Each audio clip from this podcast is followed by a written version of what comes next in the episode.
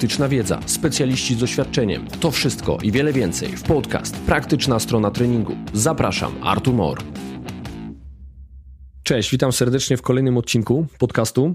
Tym razem odcinek będzie według mnie najbardziej spontaniczny spośród wszystkich.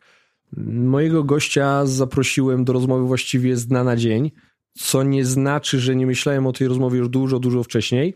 Spróbuję szybko i zwięźle przedstawić, jak ja widzę swojego gościa i kim on jest. Trener personalny, szkoleniowiec, jeden z bardziej rozpoznawalnych trenerów personalnych w Polsce. I teraz już pewnie wszystko stanie się jasne. Tata Logana.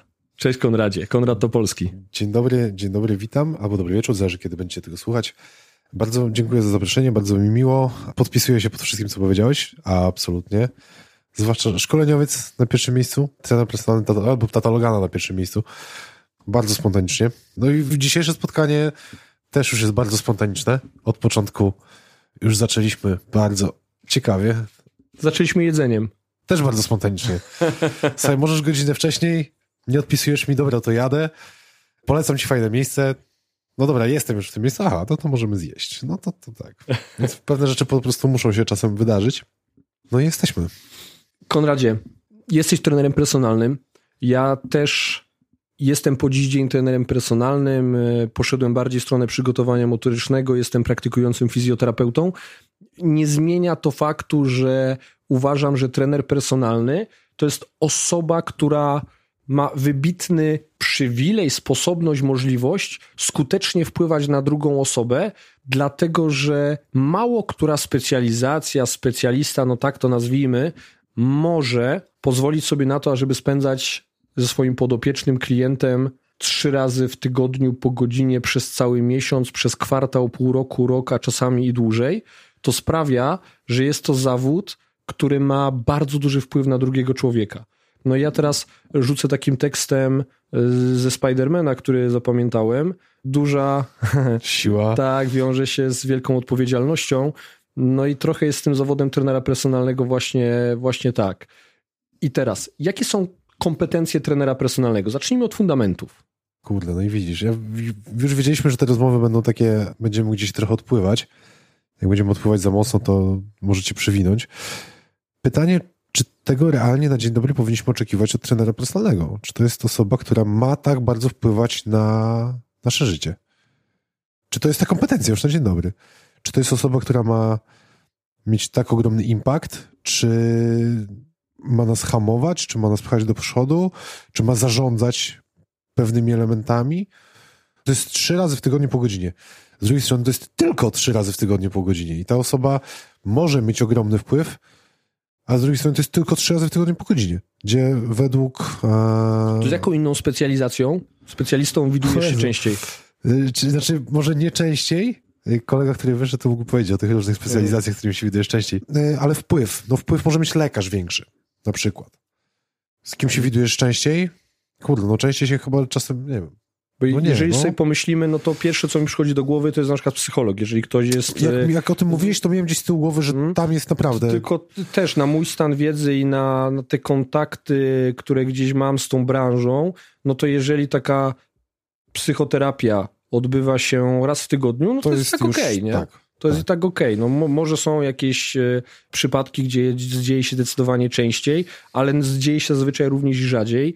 Trener personalny to jest osoba, do której przychodzimy, spędzamy z nią trzy razy w tygodniu czas, po godzinie, która no. w jakichś kwestiach związanych ze zdrowiem, z aspektami powiązanymi ze zdrowiem jest dla nas autorytetem. No i teraz często oczekujemy, znaczy powinniśmy oczekiwać, że ta osoba ma jakieś kompetencje. I teraz chciałbym doprecyzować, jakie są kompetencje tej osoby według ciebie, bo teraz sytuacja jest jasna. To nie jest uregulowany zawód. To nie jest zawód fizjoterapeuty, jest. gdzie my wiemy, gdzie, jakie są nasze kompetencje, mamy to w ustawie wyszczególnione. Zresztą jutro na szkoleniu będę się na ten temat, y, na te kwestie powoływał i do nich nawiązywał.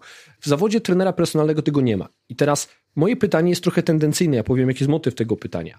Trenerzy personalni odpływają. Odpływają w lewo, w prawo, na północ, na południe, na wschód, zachód i zmierzają w różne strony. I teraz, czy powinniśmy ich powstrzymywać, czy powinny takie osoby jak ty, które mają wpływ na branżę. No bo ja ci przedstawiłem jako osobę, która ma wpływ na branżę. Jeżeli zapytasz przeciętnego trenera personalnego w Polsce, czy zna Konrada Topolskiego, to pewnie zna.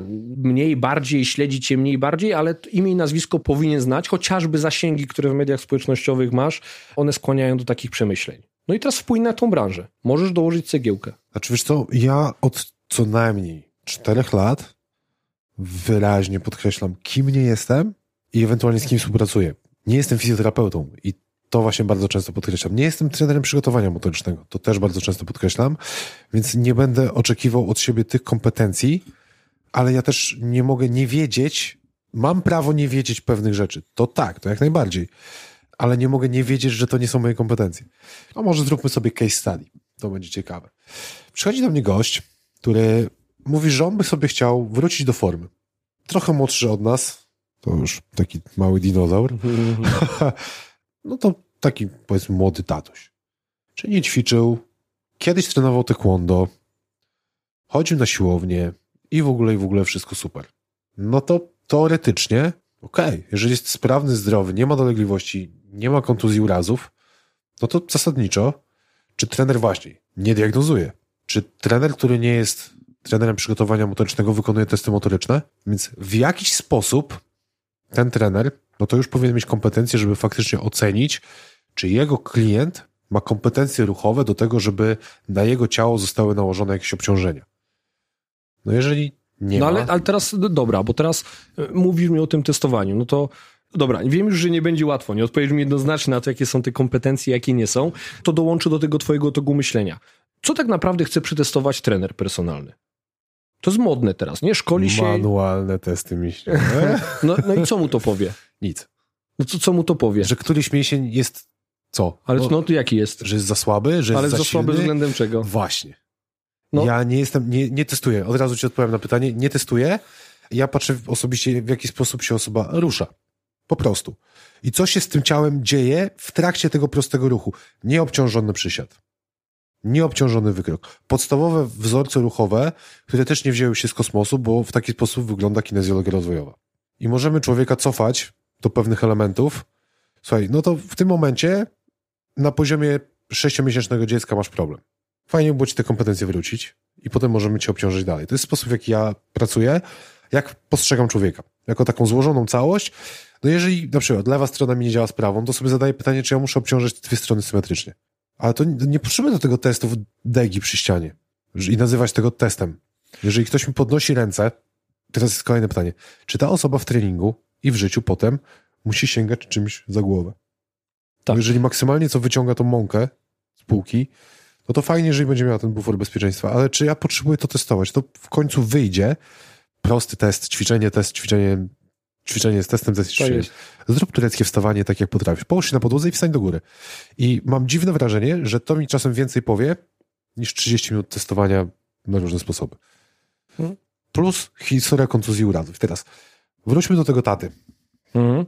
Ja teraz wyciągnąłem zdjęcie. Tak, bo ja zerwałem Achillesa. To nie jest moja kompetencja. Mhm. Jeżeli teraz trener powie, spoko, ogarnę mordo, mhm. nie. Przepraszam, ale nie, nie ogarniesz. Tu jest taka fajna, duża blizna, to ja wam to powiem. Jest.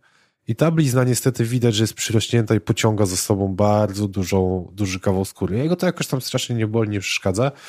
No a teraz mamy gościa, który jest po operacji, jest po jakiejś terapii, niby wszystko jest spoko. No jeżeli to wygląda w taki sposób i on odczuwa jakieś dolegliwości, to wszystko, co on będzie wykonywał na obu nogach, nie będzie spoko. No i pierwsze, co jest z mojej strony i co zalecam młodym trenerom... A to może nigdy nie być spoko. Może nigdy nie być spoko. Tak. To teraz idź do fizjoterapeuty hmm. i zapytaj. Szukam mu kogoś, kto naprawdę to ogarnie, żeby powiedział mu, co z tym ewentualnie zrobić, albo czy się z tym nic nie da zrobić. Jeżeli z tym się nic nie da zrobić, to teraz ja sobie odpowiadam na pytanie. No dobra, jeżeli to nigdy nie będzie spoko, no to ten gość musi się nauczyć z tym żyć. Po prostu. Tylko teraz jest pytanie, czy tutaj wchodzi trener medyczny? No trener też... medyczny to jest trener personalny, który trochę więcej e, dostał wiedzy odnośnie jednostek chorobowych i a to nie jest jednostka pracy. chorobowa, to już jest zdrowy człowiek bez rehabilitacji, tak? No więc wiesz, teraz pytanie, czy potrzebuje taka osoba trenera medycznego. Nie, znaczy może tak, trener medyczny, trener personalny, to nie rozgraniczam tego. Ja rozróżniam tylko fizjoterapeuta, trener personalny, trener przygotowania motorycznego. Wystarczy wszystkie te trzy, no jeden zawód y, uregulowany ustawą i dwie powiedzmy takie y, specjalizacji w pracy z aparatem ruchu powinny te dwie powinny mieć podstawową wiedzę, jeżeli chodzi o pracę z pacjentami, którzy mają jakieś dolegliwości, jakieś choroby, jakieś problemy, chociażby w kontekście bezpieczeństwa prowadzenia treningu. Jeżeli chodzi o fizjoterapeutę, no to powinien mieć tą wiedzę głębszą, tak? I to jest tak naprawdę ta różnica. Nie zgodzę się z tym, co pojawia się w mediach społecznościowych, zresztą nie tylko. Mówi się, że fizjoterapeuta pracuje z osobami chorymi, trener, jakikolwiek on nie był, pracuje z osobami zdrowymi. Nie, świat nie jest czarno-biały, nawet w kontekście pracy z drugim człowiekiem wiele wiele kontuzji. Są, są to kontuzje przeciążeniowe, z którymi zawodnicy, zawodowi sportowcy będą uprawiali sport, będą uczestniczyli we współzawodnictwie i zarówno trener przygotowania motorycznego, jak i fizjoterapeuta będą tą kontuzją zarządzać tym procesem i obydwoje mają ku temu jakieś kompetencje. Jeżeli się ostro skaszaniło albo e, trener przygotowania motorycznego nie będzie miał tych kompetencji, no bo to przerośnie go po prostu, nie będzie wiedział, co z tym tematem zrobić, no to wtedy leci do fizjoterapeuty. Ale to mówiłem wielokrotnie też w swoich mediach społecznościowych, jakby mówimy o kompetencjach cały czas. Nieważne jaka jest teoria. Świat idealny jest taki, że fizjoterapeuci świetnie sobie poradzą z kontuzjami, wiedzą jak pracować ruchem i tak dalej. Nie, to jest teoria, to jest utopia. Na chwilę obecną sytuacja i świat wygląda tak, że jak wejdziemy sobie na jakąkolwiek grupę ze szkoleniami dla fizjoterapeutów, przeskrolujemy ostatnie 50-100 szkoleń, to z tych 100 szkoleń 99 to będą terapie bierne w ogóle niezwiązane z ruchem. Czyli fizjoterapeuci nie są przygotowani do tego, ażeby obciążać aparat ruchu w stopniu dostatecznym, a żeby spełniło to potrzeby przeciętnego pacjenta, który musi wyjść w pełni zrehabilitowany z jakiejś kontuzji, z jakiejś dolegliwości ze strony aparatu ruchu. To jest rzecz pierwsza. I w mojej ocenie dobrze wyedukowany trener przygotowania motorycznego, czy dobrze rozwijający się trener personalny będą ku temu bardziej kompetentni, bo będą wiedzieli lepiej, jak dociążać. Tak. Tylko właśnie widzisz, problem jest taki, że teraz wrzucamy trenerów personalnych do jednego worka. Tak samo jak wrzuciliśmy fizjoterapeutów do jednego worka. No tak nie jest. Ale czekaj, bo teraz ja ten worek, czym jest ten worek? Ten worek tworzy chociażby szkolenia, do jakich mają dostęp, bo to tworzy fizjoterapeutów. System edukacji, ten związany z uczelnią, szkolnictwa wyższego, to jest pierwsza składowa, druga system edukacji pozaszkolnej. I teraz te dwie składowe bazują w bezwzględnej większości. Możemy rzucać procentami, 90, 95%, ale to będą tego typu wartości na terapiach biernych niezwiązanych z ruchem. A jak to jest jakiś ruch, to to jest ruch, który będzie pasował do pani Haliny, która ma 80 e, albo 90 lat i jest powiem do protezie. Fizjoterapeuta nie jest w stanie dociążać przeciętnie sprawnego człowieka z generalnej populacji. I to jest realny problem. I ja trochę nawiązuję do tego, czy trener personalny powinien w tym procesie czuć się pewniej, czy nie? Czy to są jego kompetencje, żeby sobie czasami z taką no osobą właśnie, pracować? I właśnie nie? ja miałem też do niedawna bardzo trochę mylne wyobrażenie o trenerze medycznym, e, jako że sam chcę ukończyć sobie dla siebie takie oto szkolenie.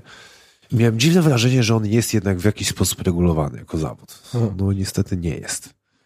Nie, jest, nie. jest, kolejnym, jest kolejnym gdzieś tam certyfikatem, który możesz sobie powiesić na ścianie. No to, co wyniesiesz z kursu, to jest twoje. Ale no mówię, to nie jest, nie jest znowu w żaden sposób regulowane, ale uważam, że powinno, że kurde, powinniśmy w tym kraju w końcu mieć jakąś regulację. Bo to by może pozwoliło nam powiedzieć, jakie są czyje kompetencje, bo aktualnie w tym kraju, jeżeli oglądasz YouTube'a, jakoś wyglądasz i robisz to od trzech miesięcy, w sumie to ja mogę ci poprowadzić trening personalny. Teraz, jeżeli ktoś ma łeb na karku, przeanalizuje kilka planów, to zauważa pewne rzeczy, które są powtarzalne. Są schematyczne. Zakresy serii, zakresy powtórzeń, najczęściej powtarzające się ćwiczenia. Czy jeżeli przez trzy miesiące przeglądałbyś internet, ułożyłbyś plan treningowy? Wiesz co, no Myślę, ja, jestem, że... ja, ja, jestem trochę trenerem personalnym e, samoukiem. Ja tak zaczynałem. To były czasy, w których szkolenia no, trenerów personalnych... Jesteśmy w tym samym wieku. No, to wiesz, tak. ja oglądałem gazetki Flex e, tak. z zagranicy anglojęzyczne i czytałem plany Flexa Willera, Roniego Colimana, czy jeszcze wcześniej, tak? Wszystkich wcześniejszych kulturystów, jeszcze z wcześniejszej epoki. I to był dla mnie punkt odniesienia do tego, jak się trenuje. Tak? I wiele lat trenowałem z gazetek. I dopiero potem tam podłączyli internet. Tak. i były grona i fora internetowe, gdzie się czytało jeszcze zagraniczne boardy bodybuilding, co się czytało i patrzyło, co tam, co tam chłopaki wyczyniają za wielką wodą i przenosiliśmy na polskie podwórko. No i drugą osobą, która ewentualnie coś powiedziała, był kolega na siłowni. Mm. Ten, który w poniedziałku robił klatę z bicepsem, w środy robił barki z plecami, no i w piątki robił nogi. No i teraz powiedz mi, co się tak naprawdę zmieniło od tamtych czasów? Nic. Nic się nie zmieniło. Nic. Bo dalej dociążasz aparat ruchu. Tak. I dalej zmierzasz do tego, żeby ćwiczyć dla sylwetki, samopoczucia. Dalej udzielasz tych samych fundamentalnych rad o bilansie kalorycznym, o podaży białka. Starasz Więc... się manipulować objętością, Więc jeżeli intensywnością. mamy być tacy brutalnie szczerzy, bo to o tym też rozmawialiśmy, jeżeli no. mamy być brutalnie szczerzy, to żeby być trenerem personalnym dla przeciętnego Kowalskiego, to jedne twoje kompetencje to trochę empatii, tak żeby człowieka nie zabić, no i właśnie, i umiejętności, żeby człowieka nie zabić, żeby mu nie zrobić krzywdy, żeby rozpoznawać, że coś jest jednak nie tak i umieć przeprowadzić wywiad z tą osobą. Właśnie, żeby dowiedzieć się, że w pewnym momencie i mieć takie poczucie, kurde, no nie, to jednak nie jest dla mnie. Więc taka przeciętna, zdrowa osoba, bo teraz ja czasem sobie lubię spojrzeć z drugiej strony. Czy jeżeli ta osoba będzie ćwiczyć sama przez najbliższy rok w domu z Chodakowską, panią mm. z internetu, mm. No to co to jest za różnica? Ona i tak w pewien sposób obciąża aparat ruchu. Jeżeli ktoś na to spojrzy z boku, może dać jej kilka rad, no to okej. Okay. No to, to, tak wygląda aktualnie trening personalny w bardzo wielu wypadkach. Czy tak powinien wyglądać? Czy jest no, tym coś złego? Kurde. No bo teraz zasada nadrzędna jest taka. Rola trenera personalnego to jest jego kompetencja, to jest wprowadzić i prowadzić przez świat obciążenia aparatu ruchu w taki sposób, ażeby było to optymalne dla danej osoby. Nie? I to, to jest taki najprostszy punkt wyjścia.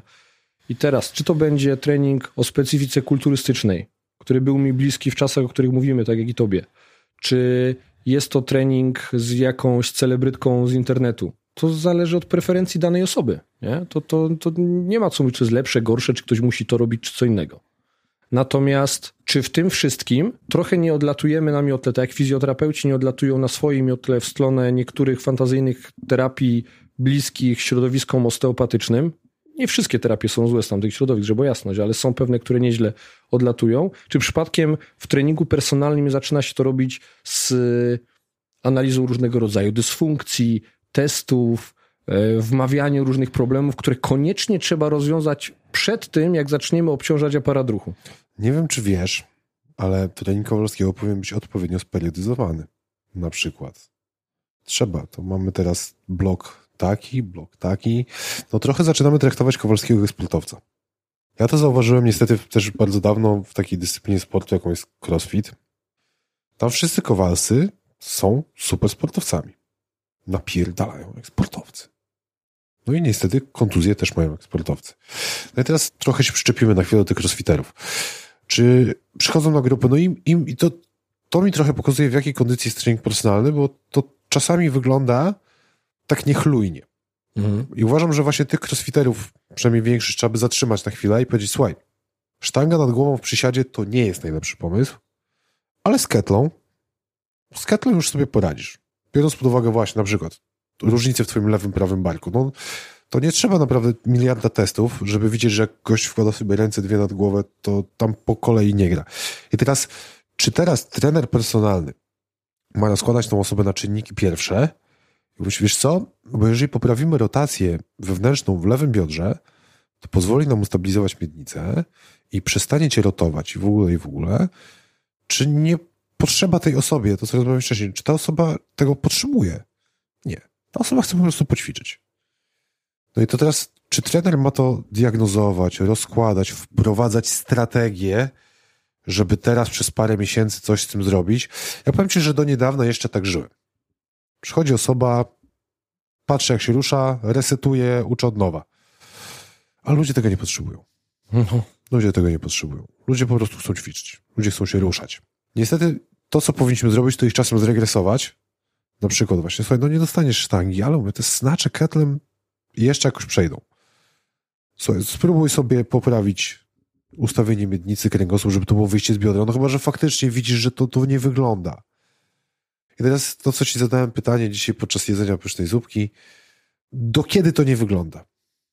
I teraz ja sobie ostatnio zacząłem zastanawiać się, kurde, gdyby on to robił sam, przez następne trzy lata i nic by mu się nie stało, no to było super. Jeżeli coś mu się stanie, jego wina.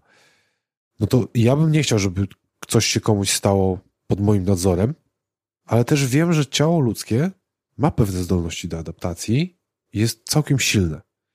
Tylko pytanie, na ile ty jako trener możesz sobie pozwolić, żeby to faktycznie przymknąć oko, bo taki przykład dzisiaj porozmawialiśmy, ja dzisiaj widziałem pracę kolegi trenera personalnego, no, która nie zaszkodzi klientce sidewalk, to rozmawialiśmy o tym sidewalku, mm. to nie zaszkodzi. No ale efektów z tego ćwiczenia też nie będzie. Pytanie, czy ta osoba płaci za czas z trenerem, żeby sobie pogadać i się poruszać i efektów z tego ćwiczenia nie będzie, ale jest okej, okay, bo ona wyszła z domu, się poruszała i z kimś porozmawiała, czyli takie forma terapii i ona będzie chodzić cyklicznie i się ruszać, działać prozdrowotnie. Czy płaci za efekty? No myślę, że to jest też kwestia klienta. No jak nie będzie widziała efektów, to nie będzie z tym trenerem, tak? Więc sprawa się rozwiąże. Na przykład. Albo nie będzie widziała efektów, ale będzie się fajnie ćwiczyło. I teraz jest pytanie, po co przychodzi osoba? I teraz wracamy do tego, nie pamiętam, czy to było na tym nagraniu, kto dyktuje rynek. Klienci, potrzeby klienta, potrzeby, dokładnie. czy wizja trenera. No i znowu, taki utopijny świat. Fajnie by było, gdyby każdy przeszedł sobie przez testy, super, przez taką diagnostykę w ruchu, zobaczyć, co się dzieje i powiedzieć tej osobie, słuchaj, z tego wynika, że tobie, tak ogólnie jako człowiekowi, przydałoby się przywrócenie paru funkcji, paru aspektów ruchowych. To było fajne. Mm. A co ty lubisz robić? No ja lubię jogę, lubię tańczyć, lubię tai chi, nie wiem, lubię sobie z tymi ketlami fajne rzeczy, albo na drążkach fajne rzeczy robią. Okej, okay. to zrobimy ci taki plan treningowy, żeby to wszystko połączyć i uwzględnić w tym te twoje słabe punkty, żebyś ty się nie zabiła przez najbliższe 12 tygodni. Myślę, że to jest coś, taki świat, w którym chciałbym żyć. No i teraz pytanie, czy to wszystko ma zrobić ze zdrową osobą? To wszystko powinien zrobić trener. To wszystko, to są właśnie dla mnie kompetencje trenera. Wysłuchać, powiedzieć, co ta osoba potrzebuje z jego strony, potrafić to uargumentować, że według mnie, według testów, według diagnostyki, według jakiegokolwiek narzędzia wskazującego na czerwone flagi, które odsyłają do fizjoterapeuty. Słuchaj, patrząc na ciebie, to z tym ramieniem jest słabo, ale ja się tym nie zajmuję. Więc na dzień dzisiejszy mogę przy tobą przepracować na przykład dół i podpory, ale nad głowę ja z tobą niczego nie wezmę, bo uważam, że powinnaś iść do fizjoterapeuty. To powinien zrobić trener personalny, uważam. A jeżeli ta osoba nie ma żadnych problemów, no to nie trzeba wysyłać wszystkich do fizjoterapeuty. Podstawowa ocena człowieka jako człowieka, gatunku ludzkiego, czy potrafisz chodzić, biegać, czy skaczesz, czy umiesz wylądować w miarę sensownie, czy potrafisz czymś rzucić, czy jako osoba, nasz gatunek został stworzony do tego, żeby przetrwać, przeżyć. Czy ty jako osoba zostawiona sama w dżungli przeżyłabyś? Masz dwie ręce? Masz dwie nogi? Mhm. Jesteś zdrowy? Chodzisz, rzucasz, pływasz, wspinasz się. Czy twoje ciało sobie z tym poradzi?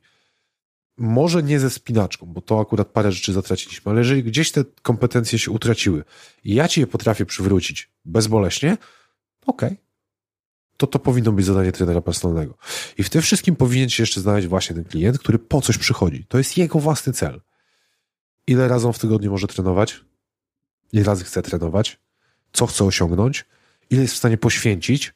Jak dużo ma na to energii? Czyli zarządzanie zmęczeniem klienta, to też powinniśmy brać pod uwagę no i mieć pewien szereg narzędzi, bo też trener, który ma w swoim toolboxie tylko jedno narzędzie, no jakoś tego nie widzę do końca, mhm. żeby próbować zaimplementować wszystkim jedno narzędzie. No dopasować człowieka do narzędzia, a nie narzędzie do człowieka. Więc też powinniśmy mieć przynajmniej dwa, trzy narzędzia, z którymi jesteśmy w stanie pracować, czy nie, podstawy z, z kalisteniki, z pracy z ciałem, czy z gimnastyki, z pracy z ciałem.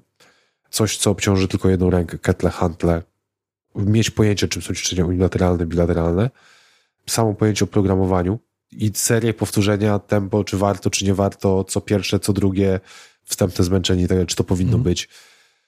Podstawy rozgrzewki, czy jest, czy nie ma, czy, czy tak. Kurde, trochę tego jest. No, tylko wiesz, nie? Tylko ile, bo, bo zobacz, bo to wszystko, o czym powiedziałeś, co jest ważne, to są rzeczy, które są podstawami treningu. A Ale teraz... tego nie ma. no, Kurwa, okay. no właśnie, przepraszam, kurczę, tego nie ma. Dla mnie to jest podstawa i ja czasami jak myślę o tym wszystkim, to uważam, że tego jest kurde dużo, ale to jest podstawa. Bo to właśnie patrzę na pracę niektórych. Ja też tam byłem, to też żeby nie było. Ja też tam byłem, też robiłem głupie rzeczy, też nie wiedziałem. Jestem tu, gdzie jestem, jest mi trochę łatwiej. No nie wiem, uważam, że brakuje nam podstaw. Mhm. Często brakuje nam podstaw. Często brakuje nam powiedzenia sobie, nie wiem, nie umiem, to nie są moje kompetencje. Czasami brakuje mi bycia szczerym sam ze sobą w tej branży. Jak słucham czasem. To czekaj, to, no dobra, skończ, skończ y, wątek, a ja. Słucham czasem odpowiedzi, odpowiedzi na pytania trenerów i słyszę, kurwa, tak niestworzone historie, że zastanawiam się, jak można w trzy sekundy wymyślić taką odpowiedź, po prostu się zastanawiam. Jak? Ale mówisz to w kontekście, że komplikują pewne rzeczy, czy co? Czy jaki Nie. to ma wydźwięk? Że totalnie jesteś wyssany z palca. Tak. A masz jakiś przykład? Dlaczego tak? Um, no bo tutaj chcemy ci zaktywować e, zębaty przedni, bo hmm. tutaj w tym ruchu to, to i tamto. Co? Hmm. Przestałem już też, przestałem. Macham ręką, dobra. Hmm. Nie, nie moja sprawa. To jest moje podwórko. Może ja czegoś nie wiem. Jeżeli jest też coś takiego, co robi mi taki ding-ding, potrafię się zapytać. Mhm. A jak to? Zwłaszcza, że jeżeli kogoś znam. Jeżeli kogoś znam, to potrafię się zapytać, dlaczego tak. Okej, okay, dobra. Super. Jeżeli ktoś mi to potrafi wyjaśnić, przedstawić, super, to ja się mogę czegoś nauczyć, dziękuję. No ale to mówię, to czasami są tak niestworzone historie i szereg argumentów, gdzie no, no nie, nie. Ty mhm. wiesz, że to tak nie jest. Okej. Okay. Z jakimi potrzebami zgłaszają się do trenera personalnego ludzie? Czyli jakie raportują potrzeby twoi podopieczni? Co, trzy najprostsze. No dawaj. I jedne z nich nie są kompetencją trenera personalnego. No. Chcę schudnąć. Tak. Chcę przytyć, w sensie chcę zbudować masę mm, mięśniową. Tak nie chcę, żeby mnie bolało. Mm. I to trzecie, praca z bólem to nie jest zajęcie trenera personalnego. No i teraz już popatrz. Zobacz, jak pewne rzeczy skomplikowane można uprościć, nie? Tak. Czyli jak wychodzi się od potrzeb, to wiesz, jakie są kompetencje. I teraz jasno powiedziałeś, praca z bólem, ja, ja powiem więcej, niekoniecznie będzie kompetencjami. Okay trenera teraz też, personalnego. Znaczy nie będzie kompetencji, że, że trener personalny nie powinien pracować ze sobą bólową? Tak, nie powinien pracować ze sobą bólową, ale są od tego odstępstwa. Dlatego powiedziałem, że, że jedno nie jest raczej kompetencją, są od tego odstępstwa. Na przykład bolą mnie plecy. Czy było obrazowanie? Wiem, że obrazowanie a dolegliwości to są dwie różne sprawy. To, co na obrazie, a to, co odczuwasz, to są dwie różne sprawy. Czasem to jest skorelowane. Patrzysz na osobę, Słuchaj, dobra, a wiesz co, a jakbyś tak, jak zaczniesz oddychać, przestaniesz mi nosić te barki, trochę zmienisz sposób oddychania, przestaje cię boleć? No tak. No okej, okay, to znaczy, że mi się dalej zapala lampka. Ja bym powiedział, słuchaj, ja bym cię odesłał, albo zrób obrazowanie. Zobacz, czy coś. A jeżeli ty chodzisz na szpilkach, cały czas ktoś ci powiedział, że trzeba podciągać miednicę i oddychasz mi podciągając barki, to jest duża szansa, że zmieniając to, w jaki sposób, jak ty funkcjonujesz jako człowiek, to przestanie boleć. Jest duża szansa. I znowu, wychodząc do tego, w jaki sposób człowiek się rusza, to widzimy na przykład nadmierną sztywność tego odcinka. Odcinka nadziowego na przykład. No to jest znowu, czy to jest coś, co każdy trener powinien wiedzieć? Nie wiem. Nie umiem odpowiedzieć na to pytanie. Ja też nie bardzo lubię odpowiadać na mogłem to powiedzieć na początku. Mm, to nie lubię. Nie, nie lubię mm. odpowiadać na pytania o kompetencje trenera, bo to stawia mnie trochę tak, jakbym kogoś oceniał ja mogę powiedzieć o swoich kompetencjach i braku kompetencji i o co bym chciał widzieć. Chciałbym widzieć dużo. Albo nie chciałbym widzieć bardzo wielu rzeczy, może w ten mm. sposób. No ale widzę. Mam na to wpływ? Nie wiem. Ale ja też kiedyś zaczynałem. To jest to. Ile powinien mieć ten gość na początku? Bo też jest druga strona tego kurde medalu. Prowadząc szkolenie, rozmawiając z ludźmi, bardzo często zrobiłem kurs trenera personalnego. Super. I co? No nic. No ale jak to nic? Wierzący, niepraktykujący trenerzy boją się pracować. Trochę. Ale czemu? Nie czują się bo, pewni? Tak, bo ciągle uważają, że wiedzą za mało. No ale wiesz, że tak branża im mówi. Że wiedzą za mało? No. I właśnie takie osoby jak ty, ja? Nie. To ja mam nadzieję... Hm. W jednym z postów w mediach społecznościowych przytoczyłem cytat jednego z profesorów, e, z którym mam sposobność współpracować. Czasami raz mieliśmy sposobność prowadzić dwa razy wykłady na tych samych konferencjach i on powiedział taką jedną rzecz do młodych specjalistów: pracujcie bez kompleksów. A w branży fitness jest trochę tak, że wymyśla się coraz nowe techniki, coraz bardziej komplikuje proste rzeczy i wmawia się niejako trenerom, że muszą posiąść niesamowitą umiejętność oceny tego aparatu ruchu, żeby móc bezpiecznie pracować z tym klientem. I teraz taki młody specjalista, zestresowany, trzęsący się, robi pierdyliard batalię testów, doszukuje się tam rzeczy, których tak naprawdę nie ma i które są bez znaczenia, komplikuje sobie życie, stresuje się tym, ogranicza fan i jeszcze często przy okazji zastygmatyzuje pacjenta, że ma asymetryczne upadki. Czyli jest jedna wielka katastrofa tylko dlatego, że ktoś nacisł farmazonów i zaczął używać modnego słowa dysfunkcja i testów, które możemy często traktować co najwyżej jako testy prowokacyjne, albo możemy sobie je oceniać w kategoriach ładne, brzydkie w mojej subiektywnej skali estetyki ruchu.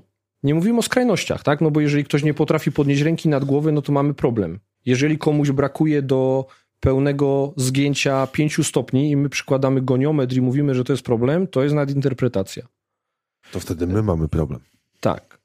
Wiemy, że wiele testów klinicznych, nawet jeżeli charakteryzuje się dużą czułością, to ma strasznie słabą specyficzność. I my często testujemy rzeczy, które w ogóle nie testujemy. Znaczy myślimy, że testujemy coś, czego nie testujemy. I teraz to jest realny problem branży. Czyli teraz zobacz, jakie mamy dwie punkty odniesienia. Gazetki kulturystyczne Flexa. Są ci, którzy nie robią nic, po prostu dawaj, jedziemy. Chury optymizm. Jesteś sprzedać, dobra, to lecimy. Są ci, którzy wszystko testują. Overthinker i, i overdoer. Over, tak. Mamy overthinker, overdoer. Pięknie. No dobra, tylko teraz jakie to ma realne negatywne konsekwencje? Czy trening kulturystyczny na gazetkach Flexa, czy w ogóle trening kulturystyczny z lat 80., 90., te czasy Gold Game, czasy Arnolda Schwarzeneggera e, i całej jego ekipy, to co widzimy. To już to, nie wróci. To, to tam trup ścielił się gęsto? No nie, ale wiesz, wszedłeś na taki temat, na chwilę zmienię, ja na chwilę zmienię naszą rozmowę. To jest coś, o czym my opowiadamy na szkoleniach z programowania. Goście zażynali się na treningach, trenowali po 2-3 godziny, bardzo często, no Arnold, klata, łapa, klata, łapa, plecy, klata, łapa, plecy, non-stop to samo. Goście robili po pierdyliard serii, sześć żeby któryś z nich myślał o przetrenowaniu? No nie. No goście nie mieli dostępu do takich środków nie mieli telefonów komórkowych. Regeneracji, jak, jak my. No może właśnie dlatego, może no. dlatego właśnie potrafili trenować trochę więcej. A my teraz uważamy, że wiesz co, nie rób 11 serii, bo się przetrenujesz. No to jest płynne, nie? Bo to wiesz, wiemy, wiemy, że kwestia przetrenowania, czy jakiś functional, czy non-functional overreaching, e, tego przeładowania funkcjonalnego, to są śliskie tematy, bo, bo z jednej strony wiemy, że istnieją i trzeba tym jakoś zarządzać i próbować ten proces uczynić możliwie najbardziej bezpiecznym. No z drugiej strony pojęcie zarządzania obciążeniami treningowymi od pierwszego dnia treningu w treningu personalnym, nie w sporcie zawodowym, w przygotowaniu motorycznym, no to to jest trochę overcomplicated. Nie? To zaczynamy trochę komplikować sobie życie. A ile ci powtórzeń zostało w zapasie? Hmm. Trzy? Uważasz, że zrobiłabyś jeszcze trzy? Tak? Trzy? Tak? Czy czujesz się tak bardzo zmęczona? Czy tak troszkę zmęczona? Czy jak się czujesz? No ja czasem uważam, że człowiek odpowie, że męczą mnie twoje pytania. Poróbmy coś. Na to też mam gdzieś tam swoje odpowiedzi. Wiesz co? Kurde, no ale to wolałbyś być, być overthinkerem czy overdoerem? Overdoerem z moim teraz bagażem doświadczeń i wiedzy na chwilę obecną wolę być overdoerem, bo jest to nie tak niebezpieczne, jak się demonizuje. To jest pierwsza rzecz i cholernie istotna. Druga rzecz, to pozwala cieszyć się treningiem, a tym samym w nim wytrwać. To pokazuje efekty, no bo się osiągnie te efekty, a robienie bird doga na tysiąc sposobów nie daje tych efektów i nie daje satysfakcji tej danej osobie. Ja wiem, że możemy sobie przytaczać przykłady, że ktoś przychodzi, o, plecy go nie bolą, sukces. No dobra, I, ale co, co dalej? I czy tym birdogiem my to zrobiliśmy? Czy przypadkiem ten proces remisji tych dolegliwości nie był związany z procesem samoleczenia? Ja już nie będę zasypywał literaturą, bo będę robił to jutro, ale najczęściej tak jest. Korelacja nie oznacza przyczynowości. To jest pierwsza rzecz. Druga rzecz, czy każdy ci w tej terapii ruchem wytrwa na tym bird dogu i na tych innych ciamajdowatych ćwiczeniach, które są nieadekwatne do potrzeb większości generalnej populacji, a o sportowcach w ogóle nie ma o czym mówić? Nie. Czy my po prostu nie powinniśmy iść w trening, który większość ludzi poczytuje za trening satysfakcjonujący? A jeżeli ktoś związany jest z światem treningu personalnego i w ogóle z siłownią, to wie, co ludzi cieszy. Wie, że są osoby, które wolą może bardziej jakieś kardy, jakieś interwały, są osoby, które lubią trening siłowy, trójbojowy, jakiś kulturystyczny i to im dajmy. dochodzimy do momentu, w którym powiedziałem, musisz mieć pewien szereg narzędzi. Nie może być jedno, musi być szereg odpowiadających na potrzeby twoich klientów. To już wiemy, to też powinno być w kompetencjach trenera personalnego. Potem idziemy, dobra, to okej, okay, dajmy im to i potem idziemy do tego sposobu wykonania. Nie wiem, czy jesteś pedantem, czy jesteś perfekcjonistą. Ja już się z tego leczę. I niestety słowo leczę jest bardzo adekwatne, bo się leczę się z tego perfekcjonizmu chorego, bo to nie, nie, jest, nie jest zdrowe. Chory perfekcjonista na pewno nie jest zdrowy.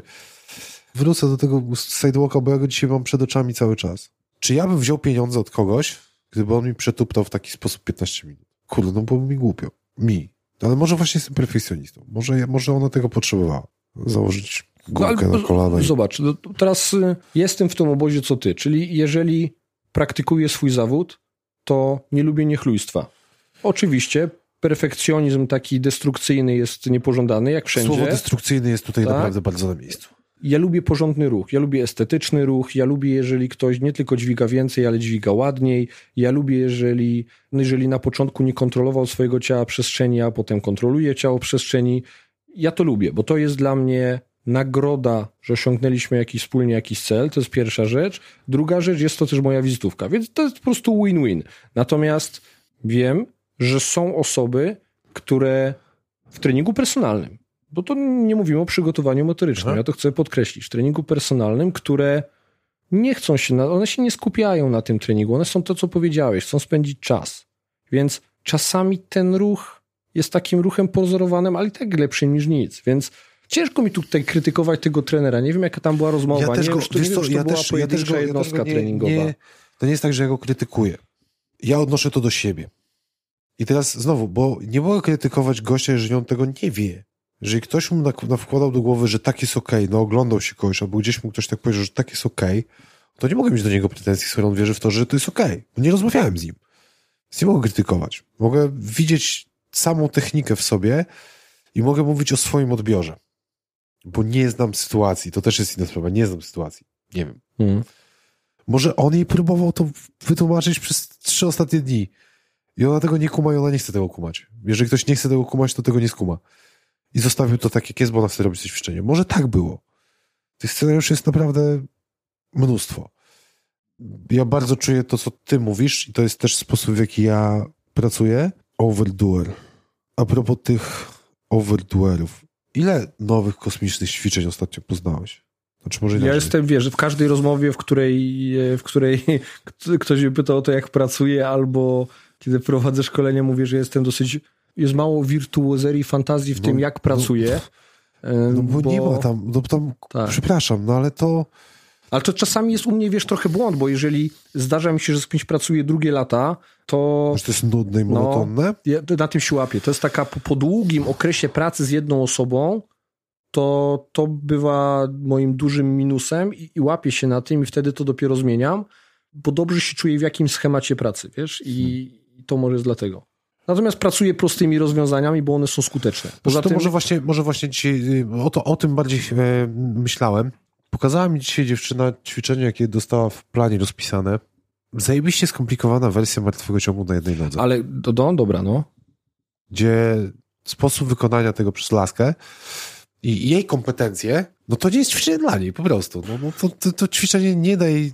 Ja osobiście, jeżeli komuś bym to dał, to dłużej bym jej to tłumaczył, ustawiał wszystko, niż to jest warte.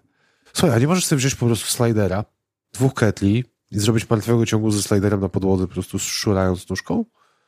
I wtedy elegancko dzieci miednica, elegancko pracujesz z biodra, masz super rozciągnięcie tyłu i możesz to obciążać bezpiecznie i możesz progresować z obciążeniem.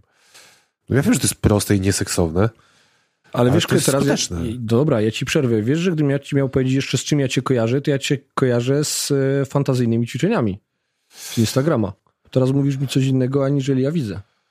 Wiesz co, ja, jeżeli... To nie jest, to nie jest, e, to nie jest zarzut, bo ja tak samo mogę powiedzieć o Piotrku Ciebierze, zresztą eee. zawsze to mówię na, na szkoleniach, czy on jest, czy go nie ma, że czy Paweł Krótki, oni są dużo bardziej fantazyjni w swojej pracy, dużo większymi wirtuozami ruchu są i to czasami jest duży plus, a czasami w mojej ocenie to będzie minus. Nie? To zawsze, zawsze zależy od okoliczności, no ale każdy teraz, z nich my wiemy, kiedy co wprowadzamy. Właśnie. Ale jest... teraz czekaj, bo teraz zobacz, o tym mówimy o kreowaniu kompetencji albo pewności siebie mhm. trenerów personalnych. I teraz trener personalny odpali sobie Instagrama, początkujący, zobaczy ciebie, zobaczy Pawła Krótkiego, zobaczy jeszcze innych i on powie, o Jezu, jaki jestem, jakim jestem niogarem, bo ja w ogóle tu na razie jestem na etapie tego przysiadu i znam pięć wariacji przysiadu i wykorzystuję i umiem tego nauczać, a tu są jakieś kosmiczne rzeczy. I teraz chciałbym to podkreślić, żeby to, to ja raz na zawsze tym porządnie rozprawić. Wszystko zależy od kontekstu. Tak. Wszystkiego, większości rzeczy, które ty pokazujesz, chłopaki pokazują, nie musi ktoś nigdy zastosować. Nie. To nie jest to, że to jest must have. To jest, kurde, to jest tak fajna uwaga. Bardzo ci za nią dziękuję.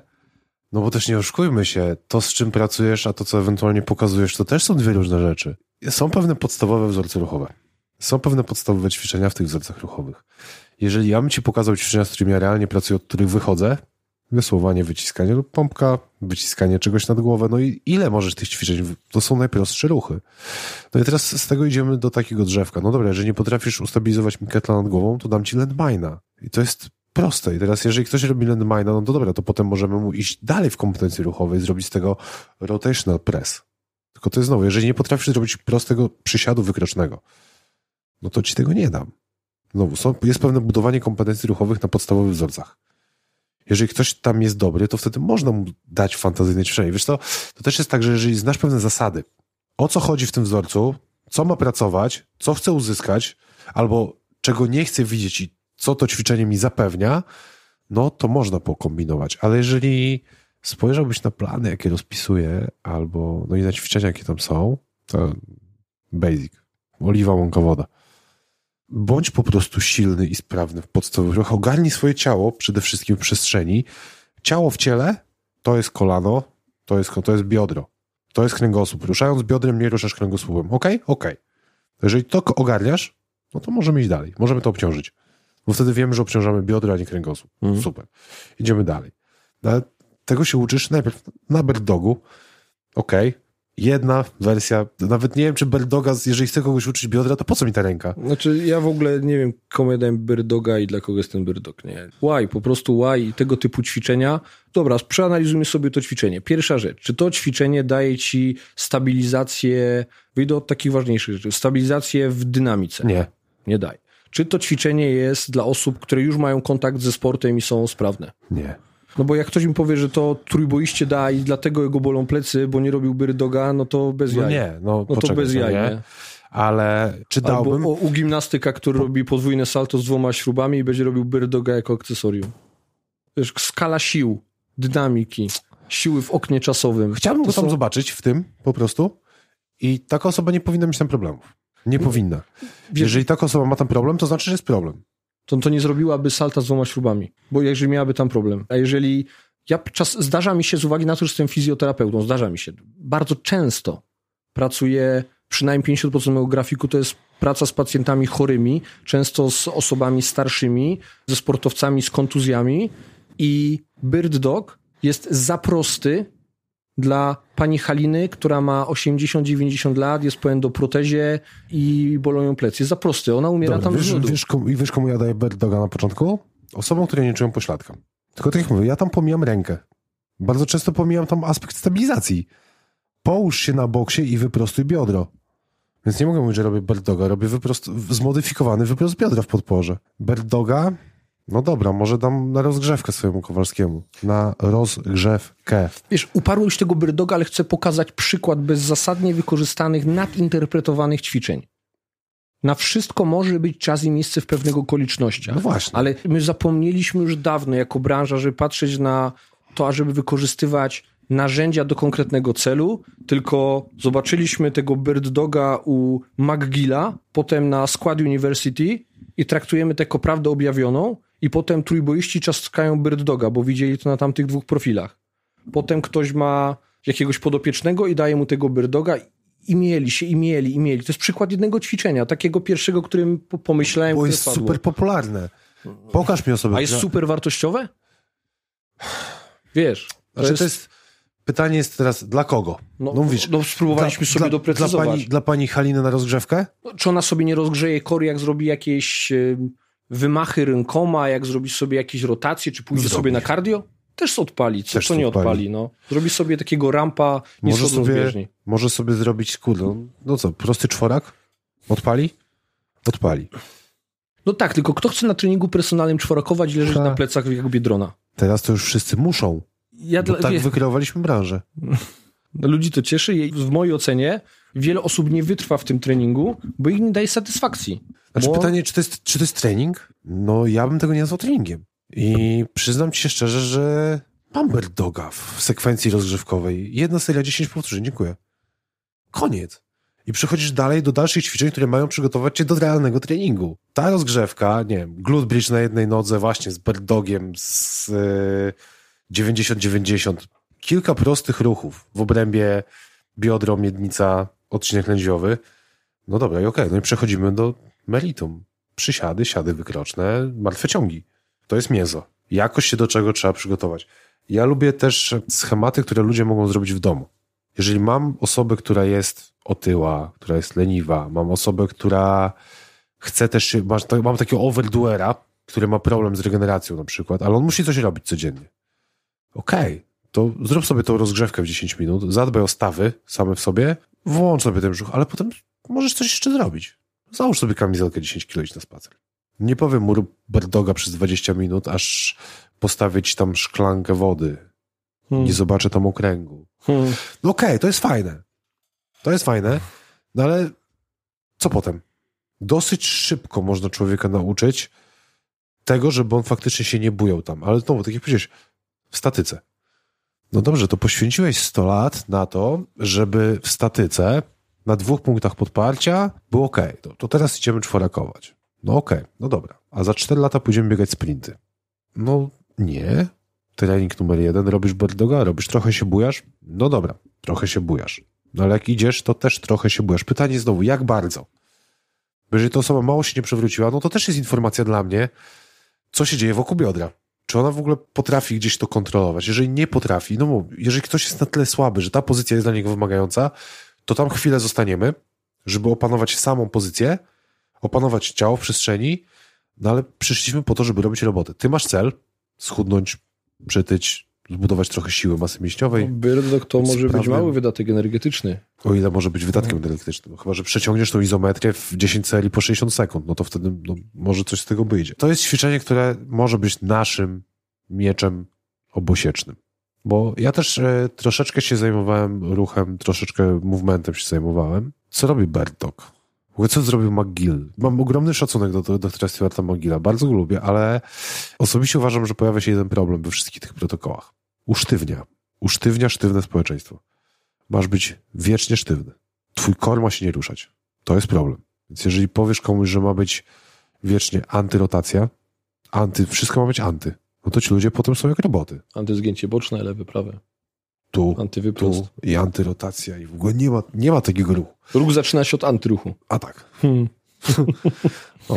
Może tak. Ta koncepcja do tłumaczenia roli tego naszego centrum mitycznego jest, jest, jest okej okay i łatwo się na tym tłumaczy. Jak komuś próbujesz wytłumaczyć, że zbudujemy sobie siłę tych mięśni w centrum, to nie musisz cisnąć tych farmazonów, że teraz będzie poprzeczny brzucha, wielodzielny, skośny zewnętrzny, wewnętrzny, bo tego nikt nie kupuje, nikt nie łapie, nie rozumie, co mówi. To jest na rzeczy południowego Nilu, dialekt Suahili. A jak powiesz mu, zobacz, coś cię pcha z przodu, próbuje przeprostować, to wszystkie mięśnie brzucha robią ruch antywyprostu, czyli zgięcie i analogicznie, nie? Jak coś cię próbuje złamać do przodu, wszystkie mięśnie grzbietu będą robiły ruch antyzgięcia, czyli wyprost. I to jest logiczne, to, to, to ludzie łapią. I ja, ja mówię ok, tylko potem faktycznie zgadzam się z tym, co powiedziałeś, nie usztywniajmy ich. Nie? Bo... Wrócę do tego Birdoga. Nie, nie, to też tak, nie będę adwokatem diabła, nie będę... Przez... Zmienimy tytuł odcinka na Bird, Bird Dog. Przychodzi do ciebie laska. I on mówi, że ona nie ma dupy. No patrzysz, no źle nie ma, no ale mogło być zwłaszcza, że pokazuje ci plan, w którym jest mocno poślad, dużo poślada. No i prosisz o tego Birdoga. No i widzisz bardzo dużą pracę ze strony prostowników. No to uważam osobiście, że właśnie zmodyfikowana wersja wyprostu w biodrze. Nie chcę, żebyśmy kojarzyli teraz yy, berdok, ćwiczenie jedna ręka do, nad głowę, do wyprostu i bardzo mocny wyprost w biodrze. Po przeciwnej stronie. Jesteśmy podparci na kolanie, na ręce. Też możemy tam idealizować też idealny podpór, przyklejona łopatka i tak dalej. Z tym nie chcę tego kojarzyć, bo też nie, bo mówię, tego ćwiczenia w tej wersji może jest jedna osoba, która ma na rozgrzewce 10 powtórzeń 5 na stronę, dziękuję, dobranoc. Ale sam wyprost biodra uważam, że jest problemem u bardzo wielu ludzi. Po prostu go nie ma. I ta zmodyfikowana wersja ćwiczenia jest taką podstawą właśnie, słuchaj, to jest twój poślad, tu jest twój zakres w biodrze, tu się kończy ten zakres w biodrze. I to jest ćwiczenie takie dla mnie, które odpala pośladek. Możesz położyć tę osobę płasko i powiedzieć, żeby uniosła nogę do góry i też poczuje poślad. No tylko to jest praca w samym krańcowym zakresie ruchu dla, dla, dla wyprostu stawu biodrowego. Żeby przepracować cały ten ruch na krótkiej dźwigni w dole, czy nawet zostawiając krótką dźwignię ze zgiętą nogą, jest ok. Tylko Ale... teraz to nie znaczy, że ta osoba przez najbliższy miesiąc, trzy razy w tygodniu robi do upadku bird Nie. To znaczy, że jeżeli ogarnąłeś to, to teraz ogarniamy pełny wyprost biodra i to znaczy, że idziemy teraz w obciążenie. To jest ćwiczenie, które ma ci pokazać, gdzie jest twoje biodro, jak ono pracuje i co się ewentualnie dzieje z nogą, z, ze stopą. Ale wiesz, że teraz to, co powiedziałeś przez ostatnie trzy minuty, to jest y, dla początkującego trenera przepis na zupkę fo, coś, co mu znowu komplikuje życie. Bo on znowu mówi, kurde, nie zrozumiałem tego, co ten gość do mnie powiedział, jaki tu wyprost, tu brakuje tego, a jak u mojego pacjenta podopiecznego brakuje tego, co ja mam z tym zrobić? Ja muszę mu teraz to skorygować, czy mu brakuje, nie brakuje? Powiedziałeś coś, co w pewnym kontekście może być zasadne. No. Ale teraz powiedziałeś to znowu i teraz posłuchał tego przeciętny trener personalny początkujący mówi, cholera, w jaki jestem czarny jeszcze D. Czy dla ciebie to jest coś, to nie jest coś wow? No nie, ale... Czy jest coś... Wiesz, że mi brakuje w treningu personalnej prostoty, którą ja miałem, jak ćwiczyłem w siłowni w piwnicy, bo tak naprawdę koniec końców ten trening się specjalnie nie zmienił i to, że teraz powiedziałeś, że, że generalnej populacji brakuje wyprostów biodra, to ja do końca się z tym nie mogę zgodzić, bo ci pokażę generalną populację, której tego wyprostu w biodrze nie brakuje i która może sobie śmiało robić po prostu przysiad, bench pressa, robić sobie martwy ciąg, robić sobie wykrok za krok, lepiej bądź gorzej, po miesiącu będzie lepiej, a za trzy miesiące po niemorskich problemach, Kurde. bez akcesoriów. No, no dobra, okej, okay. może. Bo ta laska, która przyszła dzisiaj, też może. I nie będzie to wyglądało słabo, ale jeżeli ktoś przychodzi do ciebie i mówi, że ten pośladek oczekiwała więcej, od tego treningu i ty widzisz, gdzie są te braki w jej treningu. Po to do mnie przyszła ta tak, osoba. To jest twoje doświadczenie tak. i twoja umiejętność analizy jej dotychczasowych teraz, działań, znalezienie tam luk i naprawienie. Kurde, no ona dalej będzie ćwiczyła ok. Ona nie zrobiłaby sobie krzywdy. Tylko znowu, nie ma efektów, które by chciała. Na odpowiedzią trenera personalnego ma być odpowiedzenie na potrzeby klienta. Tak, no, chciała mieć większy tyłek, popełniała błędy treningowe, błędy ruchowe były, które uniemożliwiały jej efektywne zaangażowanie Opty, optymalne, no. Optymalną pracę, no. Tak, Ale kurde... Wiesz, to, jest, to jest twoja rola, tylko to jest już ten level up, nie? To jest coś, do czego musisz zdobyć doświadczenie. Nie? No ale nie potem... zdobędziesz doświadczenia, jak nie zaczniesz, kurde, pracować. No tylko nie zaczynaj pracować birdogiem. Po prostu pieprz tego birdoga, nie olej. Zrób po znaczy... prostu to, co ludzi cieszy. Kurde. Zobacz, jak ćwiczyli kulturyści w latach 80., 90. Birdog jest kurwa trudnym ćwiczeniem. Do nauczenia do wyjaśnienia. Jeżeli masz osobę kowalską, żeby, żebyś zrobił to tak super idealnie, to jest tyle frustracji może być w człowieku, że on tego nie rozumie, że do niego mówisz. Ty próbujesz uzyskać jakieś super wartości, super jakości, które nie są ci absolutnie potrzebne. No właśnie. I dziobiesz komuś po żebra, chowaj żebra tu napnij, oddech przeponowy, pępek do kręgosłupa i 100 komend przy takim ćwiczeniu. Gdzie to jest po prostu ręka nad głowę, noga do tyłu. Dokładnie. Nie przewróć się bo tak jest. I to jest znowu, jeżeli ktoś tak robi, ty widzisz, że się buja, to pytanie, czy ty musisz go stygmatyzować? Słuchaj, bo mam wrażenie, że twój pośladkowy średni nie odpala i ty się przewracasz i w ogóle to taśma spiralna nie odpala. Tak, taśmy spiralne też bardzo lubię. Wiesz co, nie, i to musimy się tym zająć, wiesz? To teraz ja wezmę... Taśma spiralna brzmi mądrze. Mocno gdzieś płyniemy w tej naszej rozmowie, ale ja bym chciał tą branżę uprościć poukładać, co wszystko wpłynie na pewność nowych trenerów personalnych, pokaże im, co jest wartością, co jest rzeczą ważną, co jest tylko ciekawą, pozwoli im od pierwszego dnia pracować skutecznie przez to, że trochę pewniej będą się czuli. Bo praca w strachu to nie jest dobra praca. A jeżeli się będą bali, że komuś zrobią krzywdę, bo ktoś nie potrafi tego berdoga, to jest zło. Ja trochę się nie zgadzam Wiesz z tym, co? co? w tych branżach się robi, bo fizjoterapia odleciała na miotle w stronę osteopatii, w większości przypadków bezzasadnie. Trening przygotowania motorycznego próbuje pokazać dociążanie aparatu ruchu jako e, loty w kosmos i robi się z tego SpaceX, a trening personalny zaczyna iść ślady za nimi i zaczyna pokazywać, że jest tu pewien mistycyzm, jest pewna magia, jest pewien skill, na który musisz poświęcić 10 lat, żeby móc bezpiecznie pracować z pacjentem i zrobić 30 szkoleń. No nie. I- Ile jest podstawowych wzorców ruchowych? No zależy kogo spytamy, od 7 do 11. Będziesz używał 100 ćwiczeń na krzyż w swojej pracy zawodowej. Dużo. No ale dobra, ch- chcemy być wirtuozami. No. Dobra. No trzeba poznać pewne zasady. No jeżeli ktoś mi pozna zasady, jak powinien wyglądać przysiad, który nie jest skomplikowany, tak naprawdę, są detale, które możemy rzeźbić w nieskończoność. Ja się z tym zgadzam, bo to jest ta optymalizacja ruchu pod maksimum wykonu Dobra. sportowego. Chcesz Idziemy. dźwigać więcej, buduj więcej napięcia, szukaj optymalnej pozycji, Drodzy buduj powtarzalny trenerzy. przysiad. Przysiad. Czy przysiad odbywa się na całej stopie? Tak, nie. Nie. Poproś klienta o to, żeby stanął na całej stopie. Nie szukaj łuków, nie dociążaj, nie odpalaj dziwnych mechanizmów stopy. Poproś klienta wprost, żeby stanął na całej stopie. Czy kolano wpada do środka? Tak, nie. Nie wpada? Nie psuj. Zostaw. Wpada? Powiedz klientowi, żeby kolano nie wpadało do środka.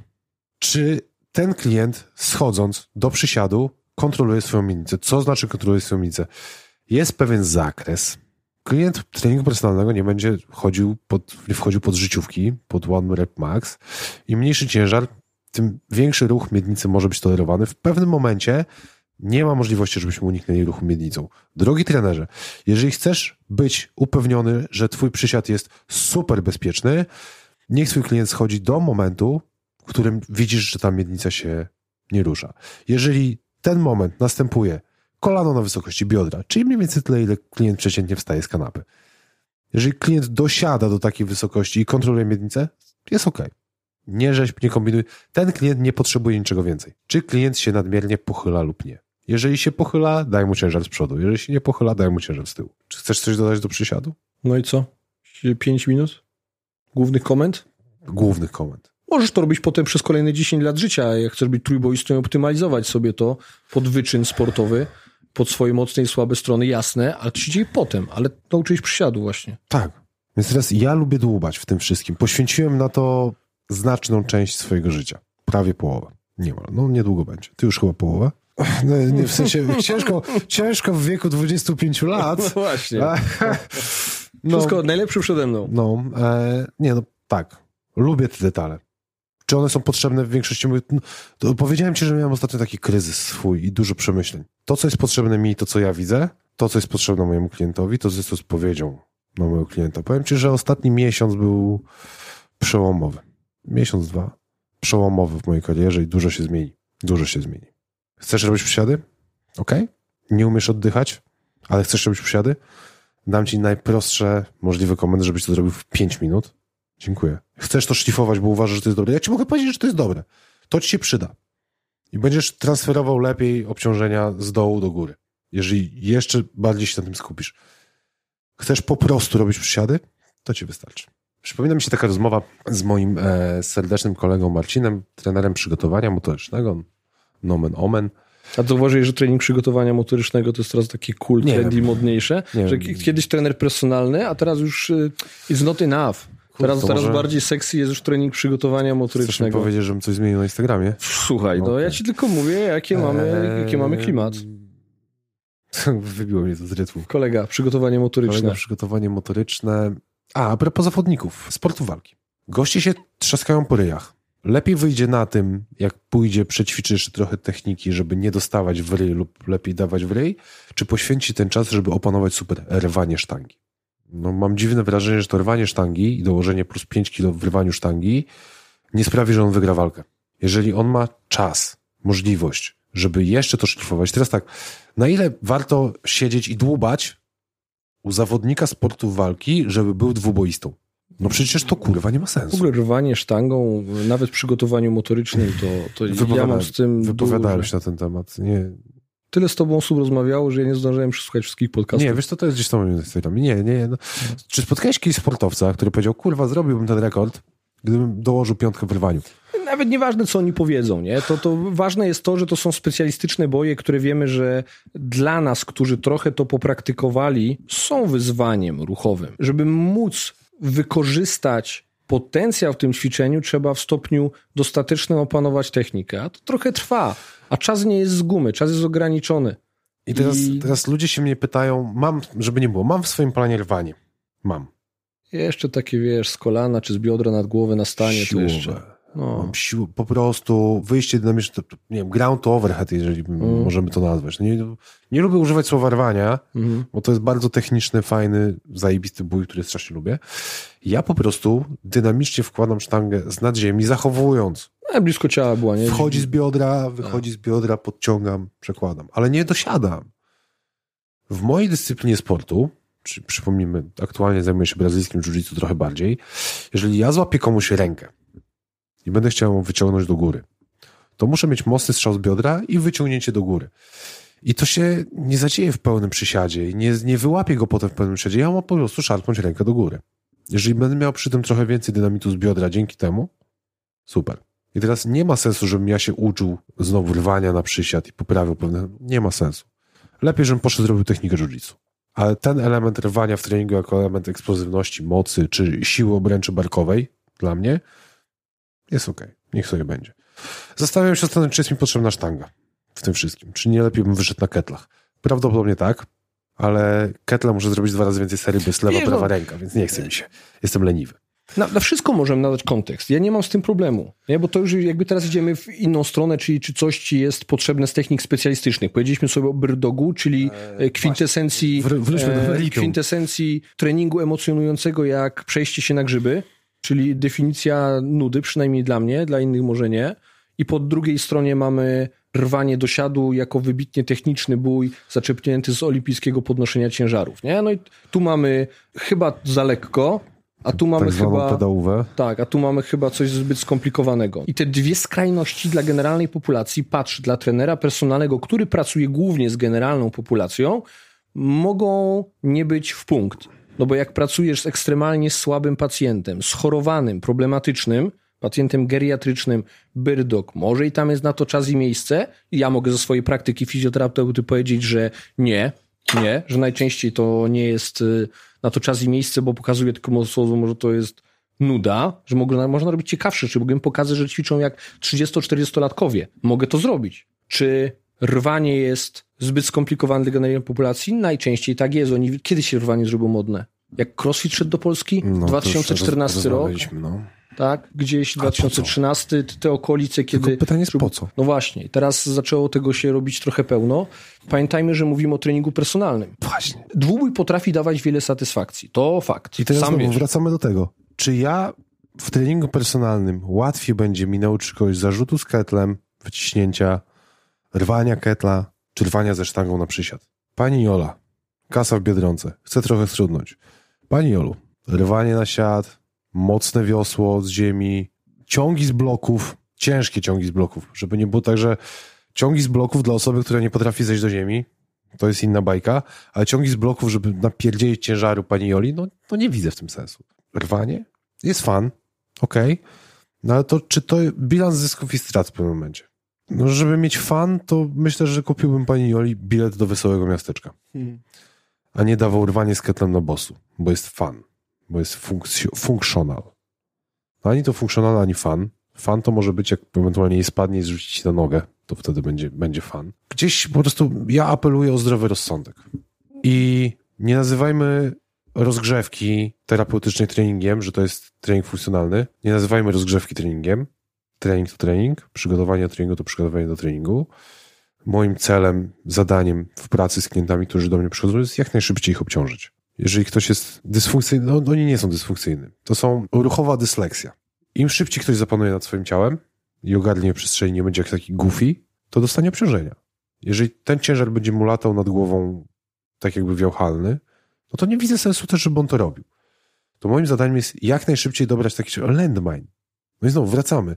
Jeżeli człowiek nie radzi sobie z ketlem, a trzeba by go jakoś obciążyć, no to proszę, no jest prostsze rozwiązanie, ale to dalej jest podstawowy wzorzec wyciskania, gdzie można zastosować obciążenia. Częściowo samostabilizując się ciężar. Chciałem, żeby od pierwszej minuty ta rozmowa tak wyglądała. Nie, to nie ma tak łatwo. Konkret, bo ja nie lubię usprawiedliwiać pewnych rzeczy, które są obecne w branży tym, że albo to zależy, bo w pewnym kontekście i dać case study. Ja tego nie lubię, bo to mm, może być mylnie odebrane i to komplikuje trochę e, cały ten obraz. To wróćmy do tego. Wróćmy do samego początku tej rozmowy znowu. Masz klienta trzy razy w tygodniu po godzinie. On chce wyglądać lepiej, ty chcesz, żeby był sprawniejszy. Masz 60 minut i musisz tam zmieścić rozgrzewkę, coś, żeby go ewentualnie ustabilizować i obciążyć. No bo jak go nie obciążysz, nie dasz bodźca stresora, to on się nie zaadaptuje. No bo nie ma do czego. Więc mieląc berdogi i inne sidewalki przez godzinę, no nie osiągniesz tego efektu. Stracisz klienta, bo go to zanudzisz. Więc zróbmy 10-minutową rozgrzewkę w modelu ramp. Cokolwiek tam nie dasz, będzie ok. Nie zabij go. Podniesienie temperatury to nie bieg, chyba że jest na tyle wytrenowany, że może biegać. Aktywacja. Ja ostatnio gdzieś też rzucałem post. Aktywację. No jesteśmy, nie masz prawa teraz robić treningu bez aktywacji. Nie masz prawa. No nie mów mi, że nie masz trzech minibandów w plecaku, jak idziesz na mm. trening. Nie lubię tego słowa. Nie lubię. Nie powinieneś nic aktywować. Powinieneś być w stanie i zrobić przysiad. No jeżeli nie jesteś w stanie zrobić przysiadu, znaczy, że to nie jest ćwiczenie dla ciebie. Zrób przysiad wykroczny. Ale znowu, to nie jest tak, że ty masz nie ćwiczyć. Znajdź ćwiczenie, które potrafisz, które wygląda no, dobrze. Teraz wiesz, do czego zmierzasz. Płynnie zmierzasz do, do takich rzeczy, z którymi ja się nie zgadzam, gdzie ludzie mówią, trenerzy, personalni, medyczni i fizjoterapeuci używają sformułowania, że trening to sztuka regresji. Jeżeli mówimy o fizjoterapeutach, to może no wtedy, kiedy trening... ktoś był, poczekaj, przeciążony, to możemy faktycznie naszą rolą, kompetencją fizjoterapeuty jest zaplanowanie takiego ruchu, takiej kinezoterapii poprowadzić, która będzie na zmniejszonych obciążeniach, bo ten optimal loading dla danej osoby przy tendinopatii czy przy jakiejś kontuzji będzie treningiem w pewnym ograniczonym zakresie ruchu, z mniejszą objętością, intensywnością, z wolniejszym wykonem danego ruchu i tak dalej, i tak dalej. Ale koniec końców dla trenera personalnego i dla trenera przygotowania motorycznego trening to sztuka progresji, dokładnie a nie regresji. Chciałem, dokładnie to chciałem powiedzieć, no, bo albo się jest, zwijasz, albo jest, rozwijasz. Poczekaj, czym no. jest trening? Trening to jest adaptacja neuroendokrynna. Układ nerwowy. No tam i... wiesz, no, neuroendokrynna, no każdego układu. No. Tak. I czym to robisz? Zastosowując pewne stresory, pewne bodźce, do których trzeba się zaadoptować. Jeżeli nie będzie progressive overload, czyli progresywnego przeciążenia, to się nie zaadaptujesz, więc sztuka treningu to sztuka progresji, bo musisz progresować. No nie ma innej możliwości. Nawet jak ktoś nie ma zakresu ruchu, nie potrafi czegoś wykonać, to robisz, to szukasz tego, co może zrobić, tam progresujesz. I teraz właśnie, to jest dokładnie to. Bo jeżeli ktoś na dzień dzisiejszy nie wyciska nad głowę, to nie znaczy, że on nie może wyciskać. To znaczy, że on może wyciskać w swoim zakresie, ale ty w międzyczasie możesz pracować nad jego zakresem ruchu. Przecież to to tak nie może wyciskać sztangi, może, może wyciskać ketla, nie może wyciskać ketla, może wyciskać landmina, to co może tam progresujesz, dokładnie. tam Znajdź... nie może budujesz mu tolerancję w nowym zakresie ruchu. Znajdź pod... Dokładnie. I tam nie Koniec. ma sztuki regresji. Tam jest sztuka progresji. Jak się przeciążył, to, to mu ściągasz te obciążenia. Żeby... Właśnie, to nie, nie chciałbym tego nazwać regresją, bo to nie powinno być nazywane sztuką regresji. To jest sztuka znajdywania odpowiedniego ćwiczenia dla twojego, dla twojego podopiecznego, klienta. Tak. Tyle. I w nim progresujesz. Tyle coraz więcej ciężaru i znowu, jeżeli ktoś robi te martwe ciągi z bloku, bo aktualnie ma taki zakres ruchu, to twoim zadaniem jest to, żeby on w końcu nie robił bloków, żeby te bloki były coraz niższe. To jest twoje zadanie. Tak.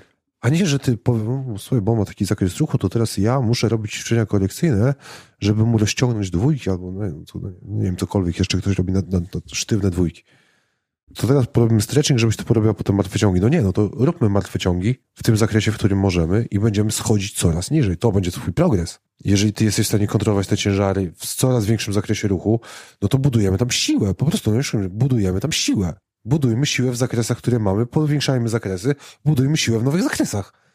Koniec historii ja kiedyś negowałem te koncepcje siły, że, że ludzie mówili, że generalna populacja ma problem z tym, że jest za słaba, że ta siła jest taka ważna i to tak mocno torpedowałem. A im więcej jestem w zawodzie, tym e, więcej mam tych obserwacji rynku i tylko utwierdzam się w tym, że dla generalnej populacji, jak ich wzmocnisz, po prostu dodasz tej siły już bez rozróżniania, szybkościowa, wytrzymałościowa, wiesz, co nie ma słabości? maksymalna.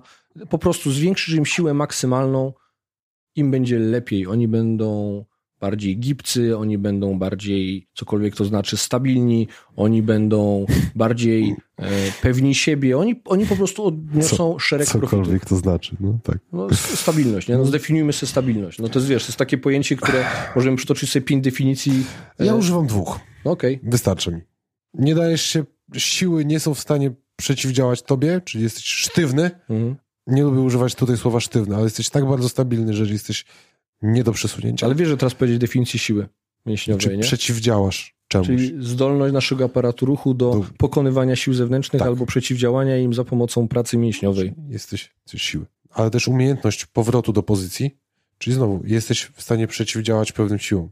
Wybi się z układu równowagi. I powrót. Tak. To jest dla mnie stabilność. No i tak, więc siła. Tyle. I też to widzę, dlatego Mówię, trenerzy personalni skupcie się na sile. Co nie ma słabości? Siła nie ma słabości. Po prostu to jest parametr, na którym powinniśmy pracować. No, kiedy staje się już sztuką dla sztuki i kiedy idziemy w stronę trójboju, już mówimy wtedy nie o tej takiej no tak samo... potrzebnej, tylko idziemy w specjalizację w sport wyczynowy. Nie? No, w dokładnie. I ta granica ale... też jest płynna, nie?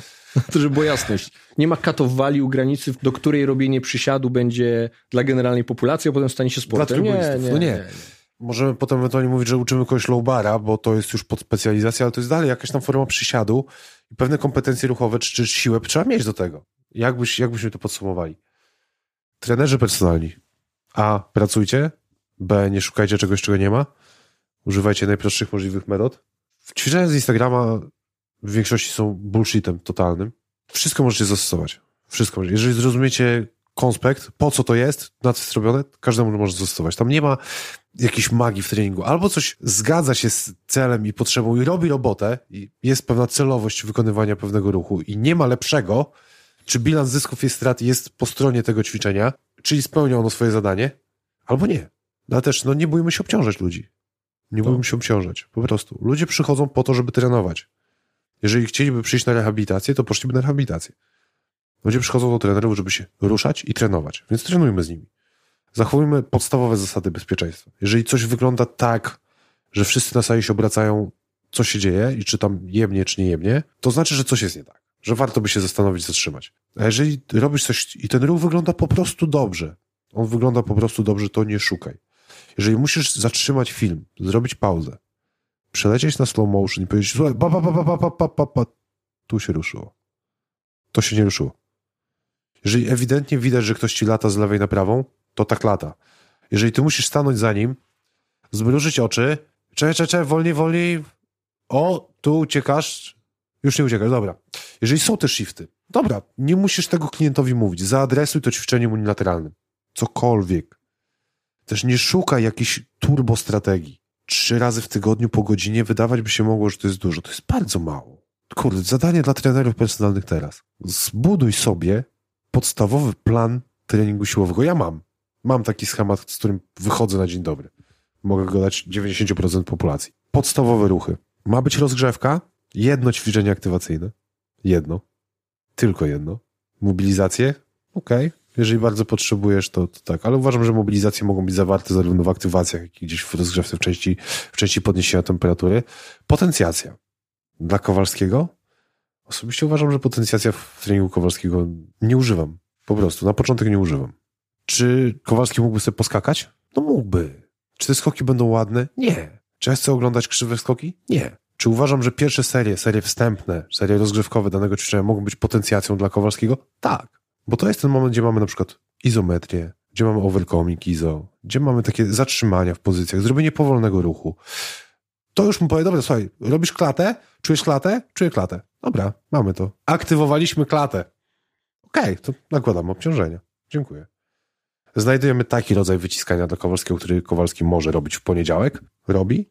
Zakresy powtórzeń. Jakie lubisz zakresy powtórzeń? 4, 6, 6, 8, 8, 12, 15? Jeżeli twój Kowalski lubi jakieś zakresy powtórzeń, to miej świadomość tego, że każdy zakres powtórzeń jest dobry. Na wstępie, jeżeli nie ma specjalizacji, każdy powtórzeń, wszystko jest dobre. Czy masz się bać upadku mięśniowego? Nie. Jeżeli twój Kowalski nigdy nie doznał upadku mięśniowego, nie znasz jego możliwości wysiłkowych. Nie wiesz, z czym pracujesz, to wtedy zgadujesz. Jeżeli sztanga mu zostanie na klacie, raz, to wiesz, że to jest obciążenie na x powtórzeń. I wtedy możesz sobie coś w tym treningu zaplanować. Ale... No, to w ogóle skala RIR to jest y, piękna rzecz. Ja uwielbiam to w pracy, bo to pokazuje po pierwsze na pierwszych spotkaniach z generalną populacją pokazuje im, jak wielkie są ich możliwości względem tego, co myślą. Oczywiście. Czyli jeżeli powiem, zrób teraz pięć powtórzeń jakiegoś ćwiczenia, dobra, martwego ciągu pięć powtórzeń, skończ serię i powiedz mi, ile jeszcze powtórzeń byś zrobił. No i zrobi tam powiedzmy jakaś tam pani Grażynka na 40 kilogramach zrobi pięć powtórzeń i powie, no z dwa bym jeszcze zrobiła, nie? Czyli RIR 2 mamy. No to dobra, to teraz pani Halinko zrobimy serię plus. Czyli weźmie pani tą 40 i zrobi tyle, ile może, Czyli chyba, masz- że ja powiem stop, bo masz mój schemat y, treningowy gdzieś skopiowany. tak. Serię AMRAP, as many reps as possible. Klasyka gatunku na zakończenie na przykład właśnie piątek, szóstek. To Wiesz, się, są możliwości tej pani Grażyny wydaje- i ona zyskała pewność, bo zrobi zawsze więcej, aniżeli myślała. Zawsze więcej. nie, nie znam, zwłaszcza kobiety. Nie wiem, czy, Tak. czy to jest Tak, tak, Tak. tak. bo ja już nie mogę. Już koniec. Dobra, wiesz co? To ja ci teraz zdejmę piątkę od tego i zrób ile dasz radę. I wtedy patrzysz i widzisz, i to jest ten zakres pozycji, który ty uważasz, że zmęczeniowo ona może robić trochę gorzej w pewnym momencie. Jeżeli mija 15 powtórzenie, no nie utrzyma ci tego idealnie, nie ma szans. No, ale jak zrobiła 15, a miało być 5, to ja już bym przerwał po 10, pani Halinko, dorzucamy, Tak. bo te dwa to, to był ostry przestrzał. Tak. Ale jeżeli ona tego nigdy nie zrobi, a my, no wiesz, to trzy w zapasie. Czy było, że masz, masz już trzy w zapasie? Mam. No, sztuka progresji. I teraz czasami, żeby sprogresować, musimy pokazać, jak ktoś ma progresować. Challenge'ować. No, Po prostu. i tego się nauczmy, a nie tego, żeby tą panią Halinkę powiedzieć, że o, tu lekko się pani wygięła w plecach, bird dog. No, to nie No jest nie. trening personalny. I, I to nie, nie tak wyglądają treningi personalne. E, No dobra, poczekaj. Mamy no. teraz zapewniony trening siłowy podstawowy. Tak jest. Jaki on by nie był, ma być. Podstawowe wzorce ruchowe. Okej, jak to sobie ludzie tam podzielą w tygodniu? Jeżeli są ludzie trzy razy po godzinie, full body workout, najprościej, trzy razy w tygodniu to drugi dzień, ułóżcie sobie takie treningi. Sprzedam wam mój schemat, który ja ukradłem kiedyś Andrzejowi Roszkowskiemu. Pozdrawiam. 15-10-5. Zakres powtórzeń. Całe ciało trzy razy w tygodniu, 15-10-5 powtórzeń. Zakres serii optymalny dla waszego klienta. Na początku nie mniej niż 10 serii w tygodniu. A potem zobaczycie. Co na koniec treningu? Lubisz robić cardio? Potrzebujesz? Zrób cardio. Osobiście preferuję, jak ludzie robią ciężkie spacery z różnymi przedmiotami. Czas niech chodzi. Jak chodzi powyżej dwóch minut, znaczy, że jest za mały ciężar. I się nie buja. Lubisz się rozciągać, bo tego potrzebujesz? Okej. Wycisz się w ten sposób, nie ma problemu. Nie masz cooldown. Koniec. Dziękuję. To jest trening personalny, zamknięty w 60 minut. Tak, to nie musi być przygotowanie motoryczne i to nie jest fizjoterapia. To nie powinno, to nie powinno być przygotowanie motoryczne, to nie powinna być fizjoterapia, bo to jest trening personalny. I mamy kompetencje. Zobacz, pierwsze pytanie. I czemu godzinę musiałem z tobą rozmawiać? Czy od razu było A zaatakować? może chciałeś 5 minut mi tak A. ten? Wiesz, bo jest dużo takich tematów. Ja Kurde, chciałem już jeść, drugie podejście do jedzenia Ach. robić. kurde, no zaraz pójdziemy. Nie, ja też zgodniałem. Wiesz No- co, ale to są takie dylematy, to są takie dywagacje, z którymi bardzo dużo osób myślę, że ja się z nimi zmagam. To są dywagacje i dylematy, z którymi ja się zmagam przez ostatnie tam dwa miesiące, gdzie musiałem sobie parę rzeczy przemyśleć w swoim życiu, w swojej pracy po 17 latach. Gdzie ja myślałem po 16 latach, że dobra, ja mam swój schemat, ja już wszystko wiem. No nie. Widzisz, dlatego chciałem te pewne rzeczy uprościć i nie chciałem, żeby tu była kolejna rozmowa o tym, co robić w jakimś konkretnym przypadku. Nie, te schematy są raczej proste. Jeżeli się zaczynają komplikować, to są inne specjalizacje, które przejmą takiego, taki skomplikowany case i, i sobie będą musiały z nim poradzić. Gdybym ja miał podsumować tą rozmowę, to dwa zdania. Jedno sobie już, właściwie dwa powiedzieliśmy, ale tylko o nich przypomnę. Dla mnie to trening personalny to zawsze będzie sztuka progresji tam, gdzie możemy i szukanie tych okazji, a nie ograniczeń. To jest pierwsza rzecz, bo te ograniczenia zawsze będą. A druga rzecz, e, pracujemy bez kompleksów, to jest to, co usłyszałem e, wielokrotnie od profesora Ficka w czasie jego wystąpień. Bardzo mi się to spodobało i zawsze to mówię młodym specjalistom, bo im brakuje i wiedzy, i pewności siebie. A ja jestem od tego na tym etapie w moim życiu, żeby trochę im tej wiedzy dać i mam nadzieję, że tyle samo pewności siebie uda mi się przekazać im. Jakbym miał więcej tatuaży, to bym sobie wytatuował, to pracujemy bez kompleksów. Dobre co? Dobre, no. Dobre, proste, dobre i, i tego brakuje, bo się mówi o, o science, o nie wiadomo jakich Nie, rzeczach. to jest tak. Ja, ja się spotykam z tym, że ludzie przychodzą, są wierzący, niepraktykujący. No. Zacznijcie praktykować. To jest doświadczenie. Macie dane, macie informacje, to teraz, żeby zdobyć wiedzę, to musicie to przerobić. Tak, ale sobie, a, a branża jest bezpieczna, bo ludzie na treningach personalnych nie umierają i też nie demonizujmy, że jakiś trener personalny zrobił komuś krzywdę, bo takie case się oczywiście zdarzają, ale musiał być e, wybitnym osłem, a też e, klient miał zero jakiś, e, jakiegoś instynktu samozachowawczego, bo tam wiele musiało nie zagrać, żeby ktoś komuś zrobił krzywdę w takiej pracy na treningu personalnym, więc Są case'y takie, nie demonizujmy. To też się nie bójcie pracować z ludźmi. Nie tak łatwo ich skrzywdzić. Adaptuj się, migruj albo umieraj. Tak jest. Konradzie, dziękuję Ci za spotkanie. Było świetnie, idziemy jeść dalej. Mam nadzieję, że Was nie zanudziliśmy. Jeżeli słuchacie teraz końcówki, to odpalcie ostatnie 10 minut i tam jest wszystko. to prawda. Cześć. Cześć, hej.